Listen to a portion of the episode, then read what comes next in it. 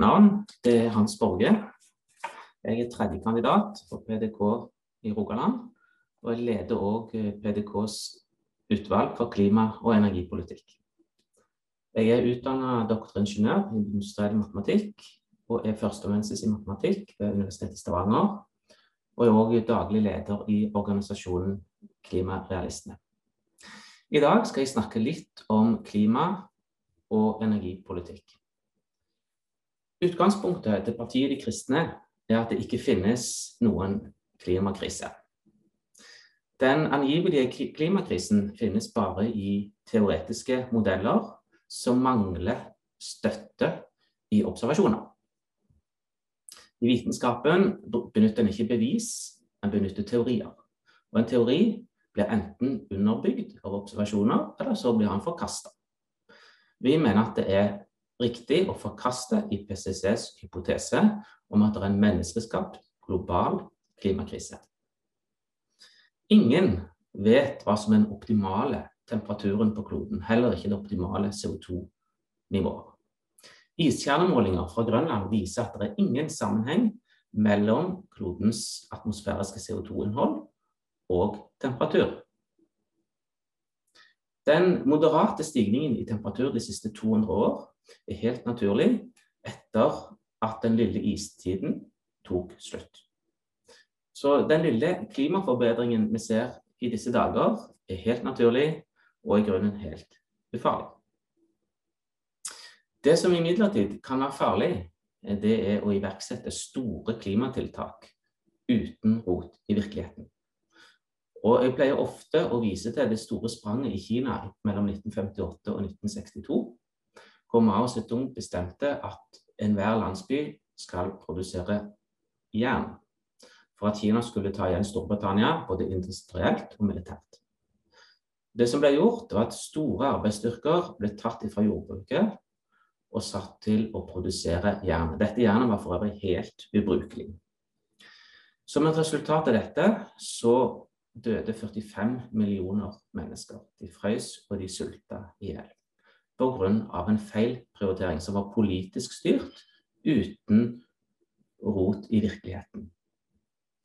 Dersom togradersmålet til IPCC skal nås ved å redusere menneskeskapte CO2-utslipp, så har IEA i 2019 regnet ut at det trengs 260 000 milliarder kroner. Altså ca. 25 oljefond. Hvis du tar ut i størrelsesorden 1 milliard årsverk fra klodens vare- og tjenesteproduksjon, så kan en altså kanskje se et, en gjentakelse av en ny politisk styrt stor tabbe som kan koste mange menneskeliv. Det å ha en stabil energiforsyning og en energi som alle har til å betale, er svært viktig. I dag så ser vi at uh, det investeres i vindkraft med begrunnelse i klimatiltak. En vindmølle fra Midtfjellet vindpark i 2015 produserte i gjennomsnitt 8 millioner kilowattimer per mølle. Og for de som, og dere som ikke er fortrolig med enheter, 8 millioner kilowatt er ikke spesielt mye. Hver mølle fikk 2,4 millioner i subsidier, og de tapte 5,7 millioner kroner per mølle hvert år. I tillegg er det skjulte subsidier, som at vindkraft nesten ikke betaler transportavgift i det hele tatt. En vindmølle har en maksimum en levetid på 20 år og koster svært mye å bygge og nesten like mye å fjerne. Så Det viser hvordan en gjør kostbare symboltiltak som vil svekke vår konkurransekraft, og som raserer norsk natur. Alt basert på hypoteser uten observasjoner i virkeligheten. I tillegg så forsømmer man den delen av norsk energiproduksjon som er produktiv. På 2000-tallet så var norsk oljepolitikk å utnytte tidskritiske funn. Det ble gjennomført med stor suksess. På 2010-tallet så snakker vi om en ny gassæra. Denne har ikke blitt fulgt opp i samme grad, og i dag så blir norsk petroleumspolitikk nedprioritert pga. klimatiltak. Partiet De kristne vil satse på norsk sokkel fremover. Konvensjonell olje- og gassproduksjon kan finne sted i mange tiår til. Når og dersom de konvensjonelle ressursene avtar, altså tradisjonelle olje- og gassfelt tømmes uten at det finnes nye, så er det en mulighet å begynne med ikke-konvensjonell gassproduksjon på norsk sokkel. Ved å produsere syntesegass. Og det er så store ressurser på norsk sokkel potensielt ved produksjon av syntesegass at Norge kan forsyne hele kloden kanskje i opptil 1000 år. Så med andre ord, vi ønsker å satse på bærekraftig energiproduksjon på norsk sokkel i mange år fremover. Og vi trenger å bruke dagens forskningsmidler til energikilder som har potensial til å forsyne kloden med ren og billig energi, og ikke symbolpolitikk som før eller siden vil stramme. Dette grønne skiftet som snakkes mye om, det har vært prøvd i mange land, og det har slått feil hver gang. Det er ingenting som tyder på at høykostlandet Norge skal lykkes, når land med lavere kostnadsnivå har mislykkes. Konsekvensene som jeg har sagt, de kan bli store av en feil investering. Alle skjønner dersom en familie sløser med penger, kjøper dyre biler og båter og reiser, at før eller siden så kan da familiens økonomi bryte sammen. En nasjonsøkonomi står overfor akkurat de samme utfordringene. Problemet er bare at det tar langt lengre tid å se konsekvensene. Så ved dagens feilinvesteringer som blir gjort i klima, så vil vi altså ikke skape de arbeidsplassene og den verdiskapningen og vare- og tjenesteproduksjonen vi trenger de neste tiårene.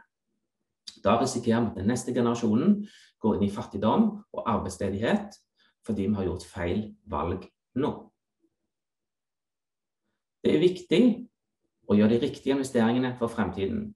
Og i en tid med, hvor det er mer enn nok av reelle utfordringer, både når det gjelder klima og miljø, og når det gjelder næringsvirksomhet, så er det viktigere enn noen gang å sette innsatsen inn på reelle problemstillinger, og ikke på imaginære, hypotetiske og tenkte problemer.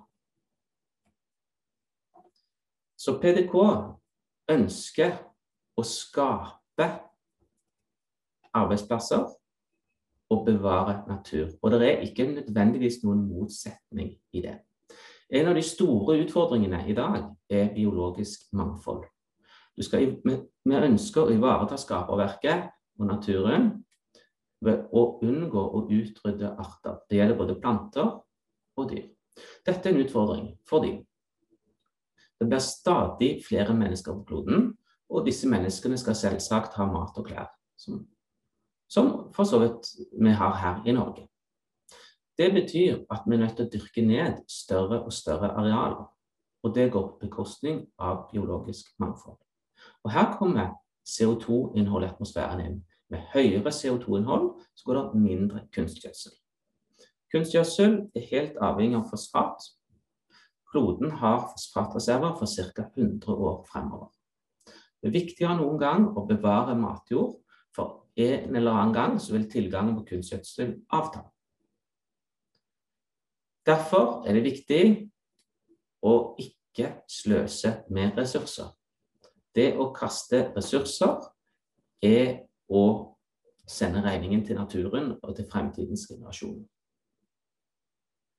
Kort fortalt, hva kan vi gjøre i dag? Det viktige er selvsagt å spille på lag med naturen og termodynamikkens lover. Det er trist at det er så få politikere som har naturvitenskapelig tyngde til å trekke de riktige beslutningene. Så, vidt jeg kjenner, så er det ingen statsråder eller statssekretærer som har både en naturvitenskapelig utdanning og en naturvitenskapelig karriere å vise til, slik at de forstår hva det vil si å følge termodynamikkens prinsipper og bruke riktig energikilde til riktig formål. Og minimalisere energitapet. Det å elektrifisere er ikke nødvendigvis å spille på lag med termodynamikken. Det meste av klodens elektriske energi produseres fra energibærere som utvikler varme. Det betyr at det er et energitap på mer enn to tredjedeler. Det er termodynamikkens lover som sier det. Det betyr at i fleste land så er det ikke gunstig å bruke elektrisk energi. I Norge er vi i en litt spesiell situasjon fordi vi har mye vannkraft. Den vannkraften bør vi bruke til å produsere varer og tjenester som verden trenger, og som må ha elektrisk strøm. Som er elektrolyse og produksjon av bl.a. aluminium osv. Vi bør ikke transportere elektrisk energi ut på sokkelen for å fortrenge gassturbiner. Gassturbinene der de bruker lokal gass, og den er virkelig kortreist. I en undersjøisk kabel med elektrisk energi er det store tap, kanskje opp mot en tredjedel tap. Så det fins ingen gode grunner for å elektrifisere installasjonene våre på sokkelen, bortsett fra enkelte politikere som ønsker å vise handlekraft når det gjelder å nå klimamål. Dagens næringsliv har i stor grad gått over til det jeg vil kalle en tilkarringsvirksomhet. Det viktigste er å få en kontrakt. Og disse uh, forslagene til klimatiltak det innebærer ofte milliardinvesteringer. Vi ser Langskip. Der er et helt meningsløst prosjekt iverksatt, og bedrifter øyner store kontrakter og store oppdrag. Men det er slik at av atmosfærens molekyler så er det bare ett av 100 000 som er et menneskeskapt CO2-molekyl. Hvis en tror på at dette ene molekylet kan varme opp de 100 000 andre, så tror en på ustabile likevekter, noe som ikke finnes eller ikke er observert i naturen. Så det er viktig å hele tiden stille de grunnleggende spørsmålene hvor stor virkning har disse prosjektene. Vi har også sett forslag på at det skal komme med CO2-håndtering fra et forbrenningsanlegg i Norge. Det vil koste opp mot 12 milliarder kroner og fjerne 400 000 tonn CO2 per år. Å finansiere 12 millioner kroner det kan en gjøre ved å produsere olje som slipper ut ca. 11 millioner tonn. Så med andre ord så må dette forbrenningsanlegget håndtere CO2 i 25 år før det har tjent inn igjen subsidiene, som òg har et fotavtrykk. Så med andre ord enkle regnestykker vi avslører at dagens politikk er bare symboltiltak. Partiet De kristne ønsker ikke symbolpolitikk. Vi ønsker reell politikk. Vi ønsker å se hva fører dagens klima- og energipolitikk til.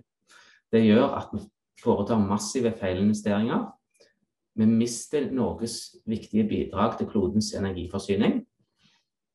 Og vi, det har geopolitiske konsekvenser. Europa er nok de eneste verdensdelen som tar Parisavtalen på alvor og har meldt inn reduksjon. Mange andre land i Asia og Sør-Amerika og Afrika melder inn at de kommer til å øke sine CO2-utslipp. Det betyr at Europa kan miste fremtidig næringsvirksomhet, fremtidige arbeidsplasser, fremtidig verdiskapning med store geopolitiske konsekvenser. I verste fall så kan vi kolonisere oss sjøl. Til slutt så vil jeg si at PDK ønsker en objektiv undervisning i våre skoler når det gjelder klima. I dag ser vi nesten tilstander til indoktrinering, hvor elever nærmest utvikler hat mot annerledes tenkende mennesker, som attpåtil begrunner sine standpunkt med vitenskapelige prinsipper.